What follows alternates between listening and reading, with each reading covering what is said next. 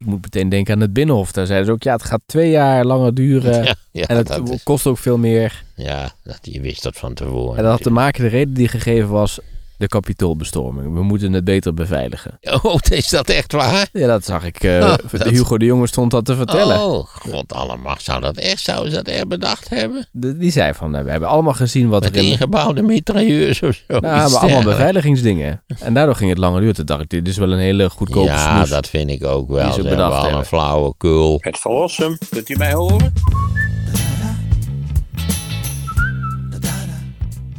En we zijn iets belangrijks vergeten een paar weken geleden. Ehm, teletext is namelijk jarig geweest. Ach jeetje, Ja, dan had ik ze moeten feliciteren. 1 april was het namelijk. eh 1 Hmm. april 1980 is, eh, is teletext eh, opgericht. Nou ja, dus dat is 43 jaar geleden. Ja, de NOS begint toen met eh, experimentele teletext-uitzendingen. En het bestaat nog steeds natuurlijk. En zoals ik vaak gezegd heb, teletext is de verreweg de beste televisieprogramma wat er is. Ja. Ja, ik heb nog kunst, dus dat, eh, Oh, je hebt ook nog kunst. ik heb nog kunst. Ja, ik dacht maar weer eens kunst. Ja, heel Ik goed. wil ook wel eens zien hoe dat, die- hoe dat met het luistereffect gaat. Ik heb het daarna eventueel die, die dingen doen, Ja, dat is die goed. vragen. Maar je hebt gezien dat we nu weer naast eh, de koning staan hè, eh, in het lijstje met de podcast. Nou, we staan onder de koning. Hè? Ja, ja, dat is waar. Ja, dat is waar. Ik kijk samen ik, daarnaast, wil maar we niet, ik wil niet boven de koning staan. Nee, nee, nee. We staan op twee inderdaad. Dus Ja. eh, je ziet dat het weer eh, redelijk stabiel is. Ja, je had dat goed voorspeld. Ik neem aan dat dat zo gaat als jij toen uitlegde dat het ging. Dat er dan zo'n nieuwe is en dat dan massa's mensen Ja, daarna ja, gaan ja. luisteren. Maar dat de continuïteit, niet waar, van dat, hoge eerste getal niet vastgehouden kan worden. Nee, nee, kijk, het gaat erom dat allemaal die nieuwe podcasts, die worden natuurlijk ergens gelanceerd. En dan roept iemand, we hebben een fantastisch nieuw verhaal. Oh, Stel Eh. nou, ja, daar word ik gebeld. alarmnummer. Ja, nee. er zit, er zit zo'n flikkerlichtje op. Eh, en dan eh, wordt het natuurlijk enorm ge- gelanceerd. En eh, daarna hebt dat weer wat weg. Dus, Ja, kennelijk van die generaals bijvoorbeeld, die hebben een hele tijd in de top gestaan. ja, Maar kennelijk is dat toch niet, niet vitaal genoeg om, om aan de top te kunnen blijven. nee, maar jij bent ook een soort van generaal. Generaal, ja. Ja, je weet dat ik het nooit ver gebracht heb in dienst, maar sowieso, ja, je weet, ik heb jarenlang eh, op Klingendaal aan dat klasje ook van de, van de militaire les gegeven. En, in het begin dacht ik, dat zijn natuurlijk allemaal van die aardsconservatieve houddegens. Niet waar, met, met reactionaire opvattingen, maar dat bleek totaal niet het geval te zijn. Bleken allemaal keurige academisch opgeleide heren te zijn. Vaak met veel vooruitstrevende opvattingen dan ik zelf had. Zoals ten tijde van de Falklandoorlogen. En ik was toen van flink sla erop, die klote Argentijnen. Hè? Maar zij waren tal van die, van die militairen die zeiden, nou ja, is dat nou de moeite waard? Eh, moeten we dat wel doen? Nou ja, enzovoort, enzovoort. Nou ja, Thatcher heeft het gedaan en dankt haar politieke redding eigenlijk aan dat feit. Maar daar moeten we het nu niet verder over hebben. Maar nog even heel, wat ging je daar dan vertellen bij die militairen? Eh, geschiedenis. Het was ook wel interessant dat heel lang, heel lang geleden nog daar, nog voor deze. Ik heb het 17 jaar gedaan in mijn herinnering.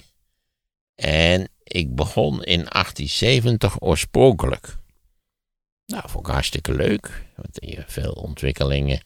Hè, met name natuurlijk de eenwording van Duitsland. Dat is in begin 71, 1871. Maar ik, ik verloor geleidelijk aan terrein.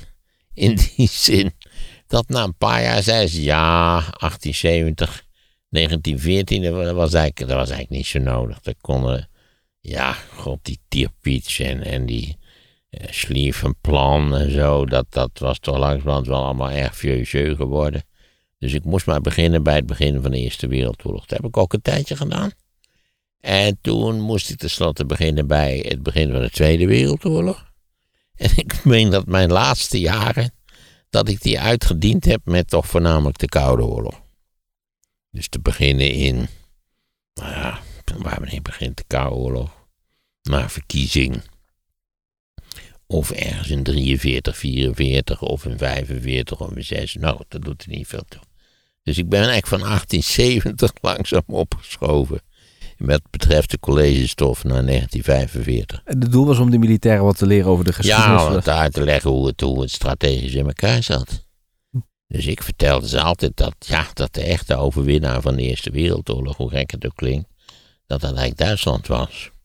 Terwijl die eigenlijk de grote, zogenaamde grote verliezer was. Hm. Net precies waarvan ik vond dat mij dat verteld had moeten worden als tweedejaars student, maar dat hadden ze niet gedaan. En waren dit beginnende militairen? Sowieso vond ik de, die, die colleges over, eh, zeg maar, de, het, het, eh, het recente verleden van Europa vond ik echt waardeloos. Ja. Joh, we kregen jarenlang college over de Franse mandaatgebieden in het Midden-Oosten, alsof dat, dat, tot dat, dat er veel toe deed. ja. En er waren dus eh, militairen die net begonnen. Die ging jij dan lesgeven? Nee, nee, Oh. nee, nee, nee, nee, die waren al, al heel hoog gestegen. In mijn herinnering waren het allemaal kolonels. Oh, oké. Sterker nog, ik heb ook ooit één keer, dacht ik, in het Lauwman Automuseum, als ik het me goed herinner, alle Nederlandse generaals toegesproken. Er zijn met een massa generaals, joh. Je hebt geen idee. Je zou, je zou een mega leger kunnen leiden met die Nederlandse generaals, volgens mij. En hoe vond je dat? Nou, ook wel amusant. Ik ben al lang totaal vergeten waar het over ging, dus. Ze waren niet vervelend. Absoluut niet. De enige die ooit in slaap is gevallen bij mijn colleges eh, was de enige vrouwelijke ko- kolonel die ik er ooit bij heb gezien. Die was in no time onder zeil. Ja. Het hoor je ook wel vaak van mannelijke luisteraars die dan met hun vriendin samen in de auto luisteren. En die vriendin vindt aan deze podcast dan helemaal geen reet, vinden ze niets aan. ja, dat kan ik me best En die zeggen, oh, wat is het toch saai? En dan moeten we naar die van Rossum luisteren, zet hem af. En eh, die mannen vinden het dan allemaal leuk. Ja, God mag weten wat dat is. Als ik voor bibliotheken spreek, ja, dat heb je al heel ja, vaak dat heb verteld. verteld. Ja, al heel vaak. Dat er, dan- dat er dan heel veel mannen komen. En normaal alleen Ja, maar vrouwen. 70, 30 in plaats van 30, 70. Ja, ja. En moeten die mannen allemaal naar hun mancave toe. En dan dit maar op hun, eh, op hun hoofdtelefoon Ja, ik kan er verder ook zo weinig aan doen Nee, natuurlijk. Het is zoals het is. Nee, dat is ook zo. Al moeten we wel zeggen, dat wil niet alleen zeggen dat er alleen maar mannelijke luisteraars zijn. Er zijn ook heel Nee, veel want dames ja, die van, die, van die post die we krijgen, dat zijn toch, eh, Ja, nou, ik ja. wil niet zeggen de helft zijn vrouwen, maar dat toch zeker een derde. Ja, ja, dat is ook zo. Veel. Nou, dan gaan we, gaan we weer even een zetje schrap eh, als luisteraar, want er komt weer wat kunst aan. We gaan kunst doen en ik ga deze keer twee schilderijen Oh, bespreken. trouwens, voordat je begint, had je nog gehoord dat iemand had geschreven, de podcast is helemaal niet geschikt voor kunst. Want je kunt niks zien. Nou, dat is een scherpe analyse. Ik sta daar volledig achter natuurlijk. Eh, er zijn betere media dan een podcast als deze om over kunst te praten. Maar ik kan u wel attenderen op kunst. En dat is het aardige van het moderne digitale netwerk. Dat u kunt met een enkel drukje op de knop, mits u normaal foutloos Nederlands eh, kunt schrijven, kunt u zo naar de besproken schilderijen toe. En daar heeft u bovendien ik geloof ook in ieder geval bij de helft van de nu te bespreken schilderijen dat fantastische Google-systeem, waarbij die schilderijen in echt extreem detail gefotografeerd zijn. Ja, dat je al elk detail kunt zien, ja. Precies. Dus dat, dat, het, het, het is natuurlijk een lollig bezwaar om te zeggen, ja, je hebt er geen plaatjes bij. Dat is wel waar, maar dat is natuurlijk een beetje flauwekul. Sterker nog, u kunt in het verhaal wat ik nu ga houden, kunt u dadelijk, ik ga even onthullen welke schilderijen het zijn. En dan kunt u al meteen op het laptopje of op de telefoon even, ja, de telefoon, dat zijn wel hele kleine persplaatjes natuurlijk. Ik ben ook helemaal geen voorstander van lezen op de telefoon. En ik, ik zag ook in de trein en in het hotel allerlei mensen naar, naar Hollywoodfilms kijken op de telefoon. Nou, daar heb ik echt niks mee. Dat is werkelijk, dan moet je, ik weet niet. Dat vind ik wel zo ontzettend lullig. Maar dat is handig, want dat heb je constant bij je, dus kun je. Ja, kennelijk. Maar ik zou, dat, eh, zou, dat- ik zou daar niks voor voelen. En mensen die nu onderweg zijn en die die kunst moeten gaan bekijken, wat zou je die adviseren? Die zou ik adviseren om even de eerste de beste afslag te nemen. En, en bij het benzinestation even die twee. ze- Ja, je moet toch ook pauzeren, hè? Ik heb trouwens tegenwoordig een auto die, als ik meer dan twee uur en een kwartier geloof ik achter elkaar rij, dan, dan projecteert hij in dat, in dat digitale venstertje voor je snuffert, die, daar projecteert hij een kopje dampende koffie. Oh. Dus het is dat een kopje en daar komen, van die, daar komen van die wolkjes uit. Ja. Ik geloof ook dat hij dan zegt van dat je even moet rusten of zo. Of eh, doe het even kalm aan. Of nou ja, zoiets in ieder geval. Stel als je op Netflix na twee uur kijken hebt van... eh, ben u nog steeds aan het kijken? Oh, dat heb ik nog nooit gezien. Nee? Oh, dan, dan val je dan in slaap van tevoren. Op een gegeven moment komt er dan zo'n melding van... ben u nog aan het kijken? Maar goed, twee, twee schilderijen. Ja, twee schilderijen. Die naar mijn idee sterk verwant zijn. Die merkwaardig genoeg praktisch op hetzelfde moment vervaardigd zijn in de 17e eeuw. Die je allebei kunt beschouwen als uitgesproken Hollandse schilderijen. Met wat mij betreft ook Hollands licht. Dat is toch weer heel wat anders dan licht in, in zeer bergrijke gebieden. Dat is toch dat eigenaardige licht van, van in, in, in Nederland met die schitterende wolkenluchten. Welke schilderijen zijn het? Het is Vermeers gezicht op Delft. Dat hangt op dit moment natuurlijk op de grote Vermeer tentoonstelling. De blockbuster. Maar dat, ja, de blockbuster, het woord alleen al, geeft aan dat elke sympathieke kunstminnaar daar niet naartoe wil. Eh, dus wij moeten, wat betreft, als u het weer zelf wil zien, ik geloof dat de tentoonstelling uitverkocht is, het keert weer terug naar het Mauritshuis, want daar hangt het normaal op een hele aardige wand. Want in het Mauritshuis hangt het tussen twee schilderijen in van Pieter Zanredam. Een, een schilder die een, veel jonger was dan Vermeer. Eh, Sorry, Vermeer was veel jonger dan Zanredam, maar het waren wel deels tijdgenoten. En dus die, dat gezicht op Delft hangt in het Mauritshuis tussen twee schilderijen van Zanredam. Maar het gaat mij nu niet om die twee schilderijen. Het gaat mij nu om een schilderij van Zaredam. Dat heet Gezicht op de Mariaplaats in Utrecht en de Mariakerk. Een ronduit schitterend schilderij. Ik zou zeggen in ieder geval dat deze twee stadsgezichten, want het zijn natuurlijk stadsgezichten, die horen tot de top 5 schilderijen die in de 17e eeuw in Nederland zijn gemaakt. En wat ik al zei, ze zijn ongeveer op hetzelfde moment gemaakt. Want het schilderij van Vermeer dateert van 1663. Dat schijnt tot op de maand nauwkeurig uitgerekend te kunnen worden. Die maand heb ik er nou bij vergeten, maar goed. En het schilderij van Zaredam is van. eh, Nee, sorry, Zaredam is van 1663. En Vermeer is van 1660, 1661, als ik het wel heb. Het doet er nou niet zoveel toe. Het kan zijn dat ik deze twee jaartallen nu gehusseld heb. Maar je begrijpt, het is allebei zijn de schilderijen van de vroege jaren 60 in de 17e eeuw. En het zijn, het zijn vooral schilderijen die de ziel kalmeren. Het zijn kalmerende schilderijen. Het zijn schilderijen met een, met een, met een schitterend, kalm licht.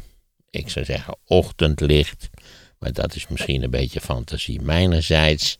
Ik zou zeggen, zeker in het geval van Zaredam, is het, is het een soort, is het een stille, maar zonnige zondagochtend. Zoiets, zoiets moet, het, moet het zijn. Ehm, Dus geen saaie schilderijen. nou, dat hangt er vanaf als je, als je niet in, in, als je, als je dol bent op, eh, weet ik veel, zo'n zo'n zo'n reusachtig ding van Rubens, zo'n kruisafname of zo, dan eh, zijn dit wel vrij saaie schilderijen. Maar het zijn, veel, het zijn schitterende schilderijen, juist in hun, in hun rust, in de rust die ze uitstralen. Overigens het schilderij van, eh, van dat kan bekeken worden in Museum Boijmans. Daar zal de deskundige direct opmerken dat dat dicht is, dat klopt. Maar ze hebben daar een, een eh, hoe heet het, een, eh, hoe heet zo'n ding nou? Een opbergruimte gebouwd.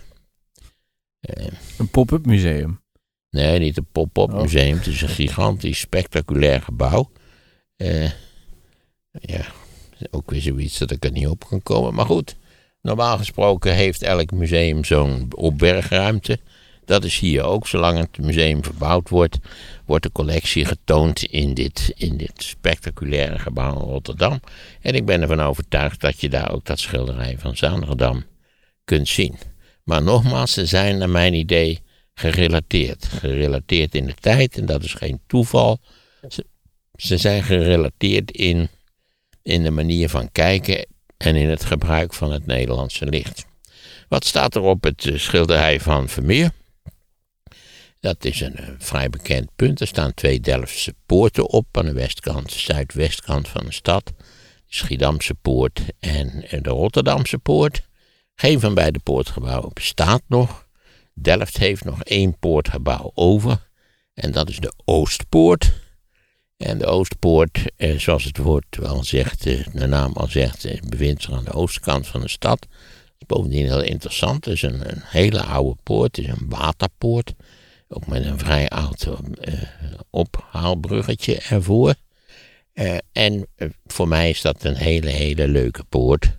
Omdat je keek uit op die poort uit het huis van mijn grootouders die in Delft aan de Kanaalweg woonden. Maar nogmaals, de Oostpoort bestaat nog met de twee poorten op het schilderij van Vermeer. Wat eigenlijk dus veel beroemd zijn. Die poorten die verdwenen zijn, zijn eigenlijk beroemder geloof ik dan de Oostpoort. Uh, het, het, schilderij van Vermeer wordt ook vermeld in Proust's zevendelige roman Fleuve, zoals dat heet.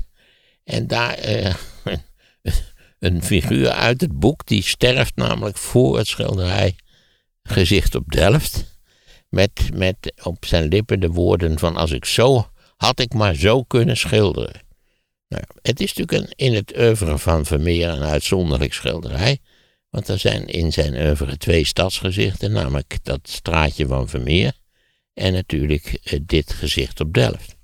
Wie het nooit gezien heeft, die kan het dus bekijken op het internet. Er bestaat een zeer gedetailleerde versie op het internet.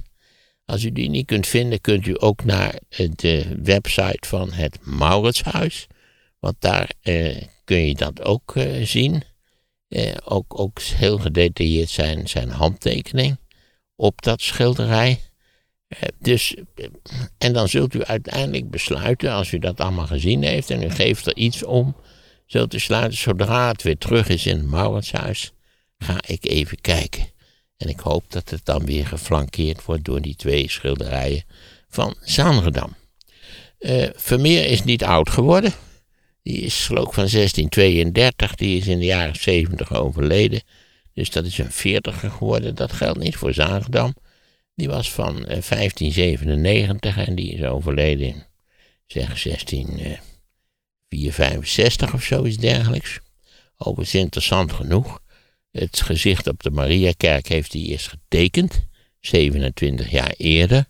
En het schilderij van de tekening heeft hij pas dus 27 jaar later gemaakt. Bij het Tijdlers Museum in Haarlem kunt u de tekening zien van, ik weet niet of die, ik denk dat u dat aan moet vragen en zo, maar goed, in principe zou u de tekening kunnen zien.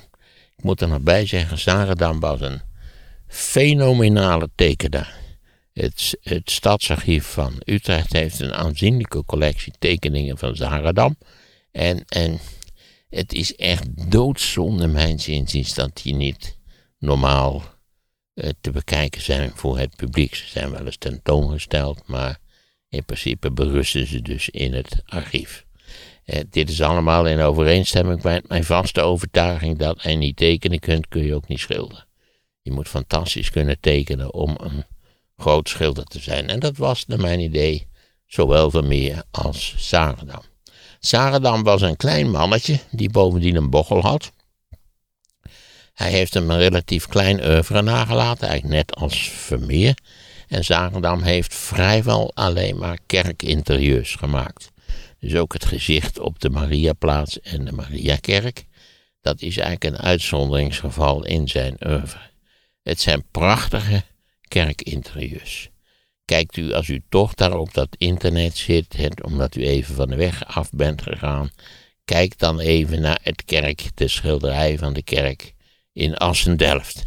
Een, een meesterlijk, doodsimpel schilderij. En moeten wij overigens mede hebben met uh, Zaredam vanwege zijn kleine gestalte, vanwege zijn teruggetrokken persoonlijkheid en zijn bochel? Nee, helemaal niet. Hij behoorde tot de best betaalde schilders van Nederland in de 17e eeuw. En dat niet alleen, eh, hij had van zijn vader had hij aandelen VOC geërfd.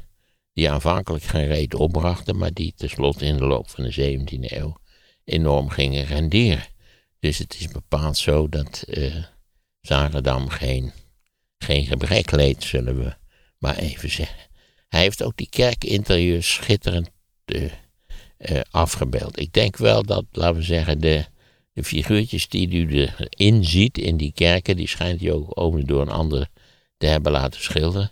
Die zijn naar verhouding wel iets te klein, waardoor die kerken wel een, een magistrale indruk maken op, op die schilderijen. Eigenlijk is al dat werk van, van is de, is de moeite waard. Je hebt bij Zaredam ook, als je, als je door zo'n museum loopt en waar je dan allemaal van die, van die geweldige tafereelen ziet, van ik al zei, kruisafnames, voetwassing en nou ja goed, de bekende bijbelse tafereelen.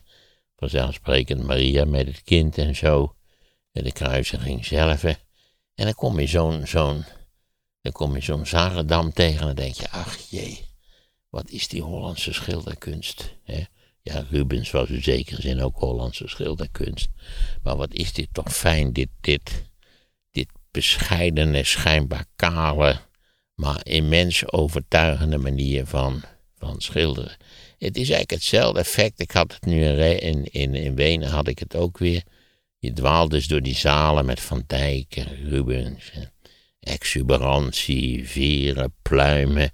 Rembrandt had er natuurlijk ook wel een beetje een handje van, van die poppenkast. Maar, en dan kom je een hoek om en, en daar hangt er zo'n, zo'n, uh, kom op, zo'n, zo'n, zo'n ijsgezicht van, is werk mijn geheugen, is, is in toenemende mate een zeef.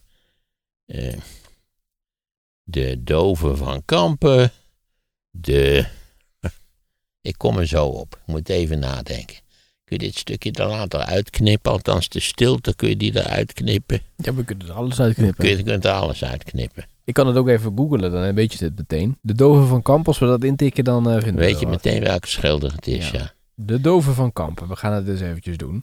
Ik vind het verschrikkelijk dat ik voortdurend deze in laatst was het Draghi, weet je nog? Ja, maar die weet je nu wel. Ja, ja, nu weet ik het wel natuurlijk. Ja, maar je kunt toch niet, dit is toch... Eh, de Stomme van Kampen kom ik wel tegen. Ja, de Stomme van Kampen, zeg het maar. Even kijken. De stomme van Kampen is eh, de dove Hendrik Averkamp. Averkamp, wat verschrikkelijk dat ik het niet wist. Sorry Averkamp, daar in de hemel, dat ik het niet wist. Je kunt toch niet alles weten, Maarten? Dus je kunt niet nee, alles onthouden. maar dat, dat zijn toch van die raar... Want je weet dat je het weet.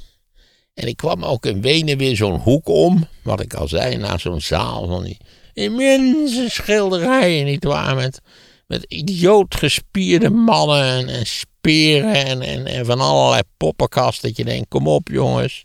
Ik begrijp wel waarom, de opdrachtgevers, zoals mijn zuster altijd zei. En dan kom je zo'n hoek om en dan hangt daar zo'n havenkamp. Een piepklein ding. Hè? Ja, geef geen zin dat ik het aangeef met mijn handen hoe groot het is. En dat is dan zo'n, hoe gek het ook klinkt, het zijn al die gespierde mannen met die veren en die speren en zo. Maar Averkamp is de openbaring. Ah, dat is zo'n simpel ijsgezichtje. dat is, dat nou ja, maar nu terug naar Zagendam. Het gaat dus om twee schilderijen die naar mijn idee dezelfde sfeer ademen. In feite hetzelfde licht tot op zekere hoogte vertonen. Dat hadden ze in Mauritshuis heel scherp gezien. Want er hangt dus het gezicht op Delft tussen twee schilderijen van Zaanderdam. Bekijk beide schilderijen voor mijn genoegen. En u ziet wat een superieure schilderkunst in de 17e eeuw in de Nederlandse Republiek mogelijk was. Want ik ben geneigd om te zeggen, misschien klinkt het toch een beetje arrogant. Nergens in Europa had in de, in, hadden in de jaren 60 van de 17e eeuw deze twee schilderijen gemaakt kunnen worden. Behalve dan in de Nederlandse Republiek door Nederlandse schilders. Dus, ga kijken. Gezicht op de Mariaplaats en de Mariakerk. Oh, voor alle zekerheid, als u naar Utrecht gaat zoeken naar de Mariakerk. Die is al lang afgebroken. Die is in het begin van de 19e eeuw is die afgebroken. En die is vervangen door het gebouw van kunst en wetenschappen. En als u een beetje Utrecht kent, dan weet u dat het gebouw van kunst en wetenschappen een tijdje geleden is afgefikt. En toen hoopte ik zo, terwijl ik helemaal niet katholiek ben, geen bal geloof, 0,0. Toen hoopte ik zo dat ze de Mariakerk zouden herbouwen. op die plek. Een prachtige kerk. Alleen die kloostergang staat er natuurlijk nog van die kerk. Hebben ze een nieuw eh, gebouw van kunst en wetenschappen gebouwd. Een gemiste kans. Ik heb geen andere woorden. Een gemiste kans. Maar het zijn twee schitterende, typisch Nederlandse schilderijen. En als ik jou mag geloven, dus ook een van de betere. Dit, dit, eh, beide schilderijen horen wat mij betreft tot de top 5 Nederlandse schilderijen van de 17e eeuw. Nu eh, weet ik zeker dat we een brief krijgen. Wat zijn die andere drie dan? maar daar moet ik dan nog eens even over nadenken. Nou, ik weet, ik weet er wel wat paar. Ik weet, ik weet ook nog een paar hele gekke schilderijen uit Wenen. Die zal ik ook doen. Ik hoorde laatst van iemand die vertelde hoe die schilderijen, als ze dus naar zo'n uh, Vermeer eh, tentoonstelling gaan, hoe die dan uh, vervoerd worden in zo'n grote kist. Ja, joh, en de verzekeringen, dat is een enorme kwestie. Ik vind dat hele gesleept. Dit zijn hele kwetsbare. En, en kijk, bij Monet, Monet 4000 schilderijen nagelaten, maar Vermeer heeft er geloof ik 41 of 42 nagelaten. Trouwens ook Zaredam maar een stuk of 40. Ja, Overigens doet het er eigenlijk niks toe hoeveel je, hoeveel je nalaat. Je hoeft, natuurlijk maar, je er maar een paar meesterwerken te maken en dan. Dat is het eigenlijk al. Dan heb je je, je taak als mens hier op het ondermaanse toch, uh, naar mijn idee, voltooid. Maar goed, kijk ernaar. En als je dan toch lekker bezig bent, uh, ook nog maar even naar die ijsgezichten. En die kist die wordt ook maar één keer gebruikt, begreep ik, hè? Als ze dan weer terug moeten, komt weer een nieuwe kist. Het zou best kunnen. Het is, het is, ik heb altijd het gevoel, het is de meerdere eer en glorie van een museumdirecteur. En het biedt hem natuurlijk de mogelijkheden om later tegen die andere musea te zeggen: joh, we hebben jullie die Vermeers uitgeleend. Eh, en, en nu moeten jullie ze zo uitlenen. Het is een soort, soort ruilhandel, zal ik maar zeggen. Maar ik vind het zelf. Het is veel interessanter om één of twee Vermeers te zien te midden van, van twee, drie, vier, vijf zalen met Nederlandse 17e-eeuwse schilderkunst, dan dat je al die Vermeers bij elkaar ziet. Hè. Het is veel leuker om dat te vergelijken met. Ja, het is nog, dat is nog een puntje wat ik misschien vergat.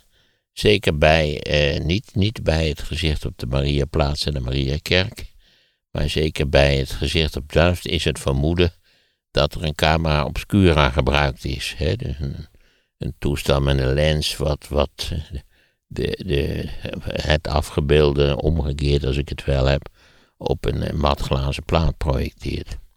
Waar David Hockney volgens mij een heel boek over geschreven heeft. Wil ik altijd nog eens lezen en dan gaan we het hier ook behandelen. Urenlang gaan we het behandelen. het is zo interessant natuurlijk om te weten hoe ze het precies deed. Ga je nog eigenlijk zelf nog naar musea in Nederland veel?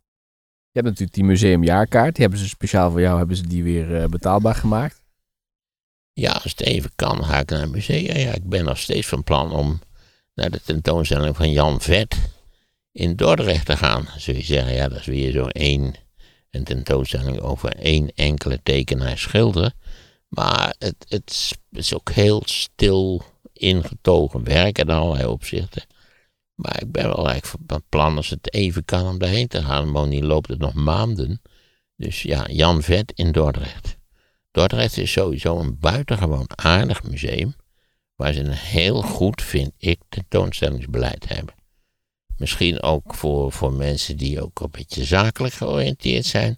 Eh, eh, u weet dat, dat bij een verbouwing van een museum in Nederland in principe duurt het twee keer zo lang als het van, van tevoren is aangekondigd. En vaak is het ook twee keer zo duur als van tevoren werd aangekondigd.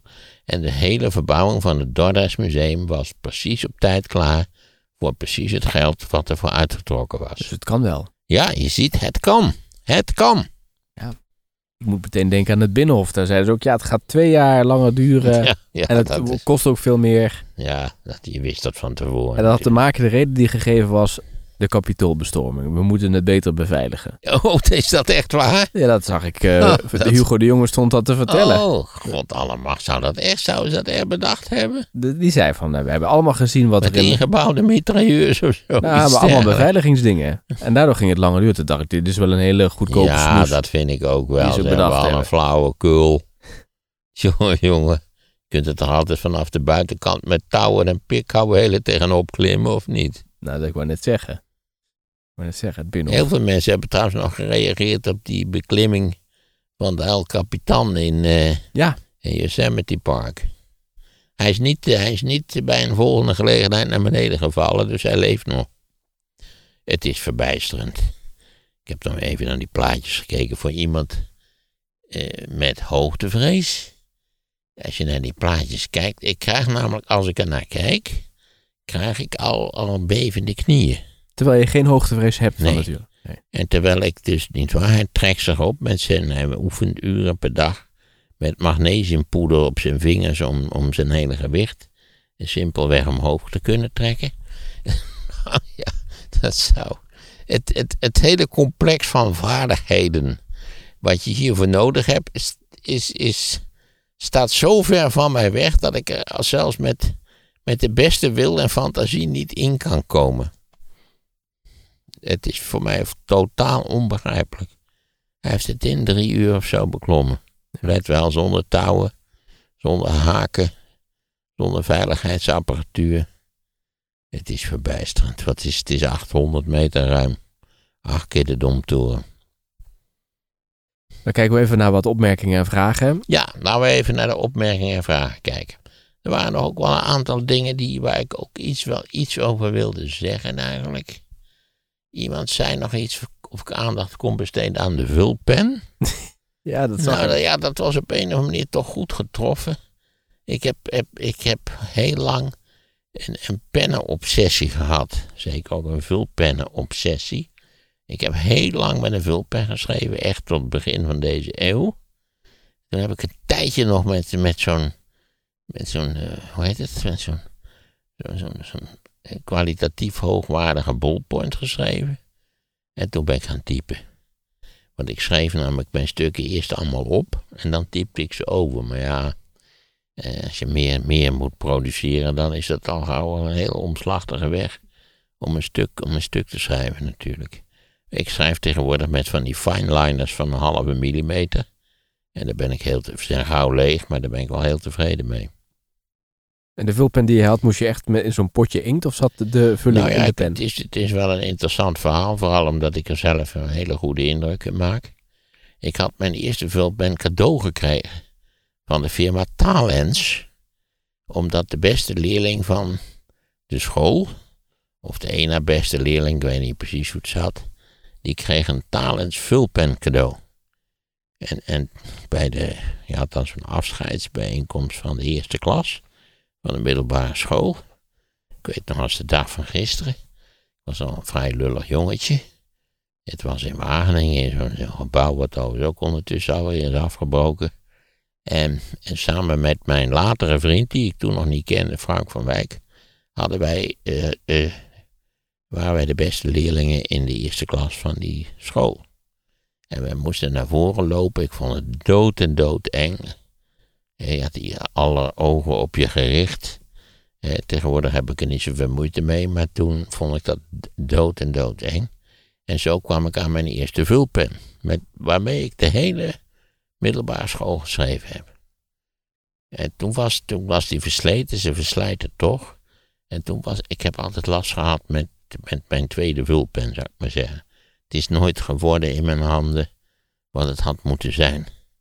Maar als een vulpen het goed doet, als de pen lekker over het papier loopt, je moet ook wel behoorlijk papier gebruiken en niet pruts papier, dan is het wel een enorm fijn gevoel. Het schrijft lekker, hè? Het schrijft lekker. Ik schrijf nog steeds veel liever met de hand dan dat ik typ. Dan zie je die inkt zo opdrogen. Ja, het is, eh, als, en of ik vind ook als je dan een hele pagina vol hebt geschreven, dan denk je, nou, het is eigenlijk een kunstwerk. Denk ik dan. Nou ja, goed. Die stijgt misschien niet, maar ja, ik vind met de hand schrijven vind ik heel fijn werk. En ik, doe, ik schrijf natuurlijk nog heel veel met de hand, omdat ik al mijn uittreksels en zo, die schrijf ik met de hand. Die typ ik niet. Doe je dat, Niet, niet nodig om ze te typen. en doe je dat dan vaak als je een lezing in het land hebt? Schrijf je dan een A4'tje vol waar je het over gaat hebben? Nee, dat doe ik nooit. Die lezingen, dat is allemaal uit de losse pols. Maar als ik een artikel ga schrijven, of als ik boeken lees om een artikel te gaan schrijven, Dan maak ik wel uittreksels, ja. En, wel- en notities. Je hebt mij ook wel eens een keer een papiertje laten zien in de binnenzak van jouw jas die je nu aan hebt. Van kijk, dit heb, wat ik net verteld heb, staat hierop. Ja, dat kan, dat kan heel goed, ja. Ik weet niet, dan moet het een onderwerp zijn geweest waar ik niet geweldig in zat. Ik zou maar zeggen, ik ga morgen naar Almelo, geloof Of was het nou Zwolle? Nee, sorry. Sorry Zwolle. Het is Zwolle. Ja, dan doe ik iets. Ik denk, vorige keer heb ik iets over de, eh, de vijfde Messias gedaan. Dus ik denk dat ik nu in Zwolle iets over Poetin ga doen. En vind je het niet bezwaarlijk dan dat, eh, dat je dus eigenlijk niks voorbereidt voor eh, als je daar naartoe gaat? Want die mensen die denken natuurlijk die jou, die jou vragen. Nou, die Maarten zit zich weken voor te bereiden. Ik weet niet, zou ze dat denken? Nou, maar in ieder geval wel iets van voorbereiding, maar je doet helemaal niks. Nee. Nee, ik heb me heel lang voorbereid. Maar ja, dat geleidelijk aan werd het minder en minder en minder. Het zit in je hoofd. Ja. Het is niet zo dat je er niks aan doet. Het zit in je hoofd. En, en, en, en je, je hebt erover nagedacht. Ik heb je daarnet een heel verhaal verteld over waarom ik vond dat Macron eh, eigenlijk in de basis gelijk had. Nou ja, zoiets ga ik morgen ook vertellen. En daar kun je van alles van maken. Dan kun je een uitstapje maken enzovoort. Maar ik, ik heb eigenlijk nooit. Ik heb nooit gedacht dat het publiek vermoedt dat ik er weken aan heb zitten tobben. Nee, dat denk ik ook niet. Dat er, dat er diverse ernstige, ernstige eh, echtelijke ruzies aan vooraf zijn gegaan. Nee, absoluut niet. Wat ik al zeg, ik ben in de loop der jaren steeds minder en minder en minder gaan voorbereiden. Hm. Ja. En er is ook heel veel te doen om eh, China en afluisteren en gevaar en nou, noem maar op. Jij bent er heel duidelijk in. Je hebt eerder gezegd van de Verenigde Staten doen het al jaren, dus we hoeven er niet bang voor te zijn. Die aflevering hebben we nog een keertje in de beschrijving bij deze podcast gezet. Dus als je er geen genoeg van krijgt, luister die dan vooral. Absoluut de moeite waard. En volg ons in je podcast app, want eh, dan mis je sowieso helemaal niks. Avenkamp, wat verschrikkelijk dat ik het niet wist. Sorry, Avenkamp, daar in de hemel. Ik heb laatst gelezen wat, wat de Apple eraan verdient en wat de Chinezen eraan verdienen. En dan moet je toch ook als Chinees denken, we doen iets fout. Dit moet op korte termijn moet dit veranderd worden. Want dit is een hele onrechtvaardige zaak. En dat is het ook in allerlei opzichten. Maarten over de geschiedenis van China. Wat zich voltrekt in China en India en andere Aziatische landen is niet meer dan een onderdeel van datzelfde enorme proces wat ooit begonnen is tussen 1690 en 1750. Download het luisterboek via de link in de show notes. En eerder deze week hebben we het in deze podcast ook gehad over de komst van Macron naar Nederland. Tijdens dat staatsbezoek werd onder andere gesproken over kwantumtechnologie. Nederland zet flinke stappen op dat gebied en Freke Heijman weet daar alles van. Zij was bij het bezoek van Macron, sprak zelfs met de president en vertelt nu in de podcast Sea Level welke stappen Nederland zet op het gebied van kwantummechanica. Het gesprek hoor je via de link in de show notes.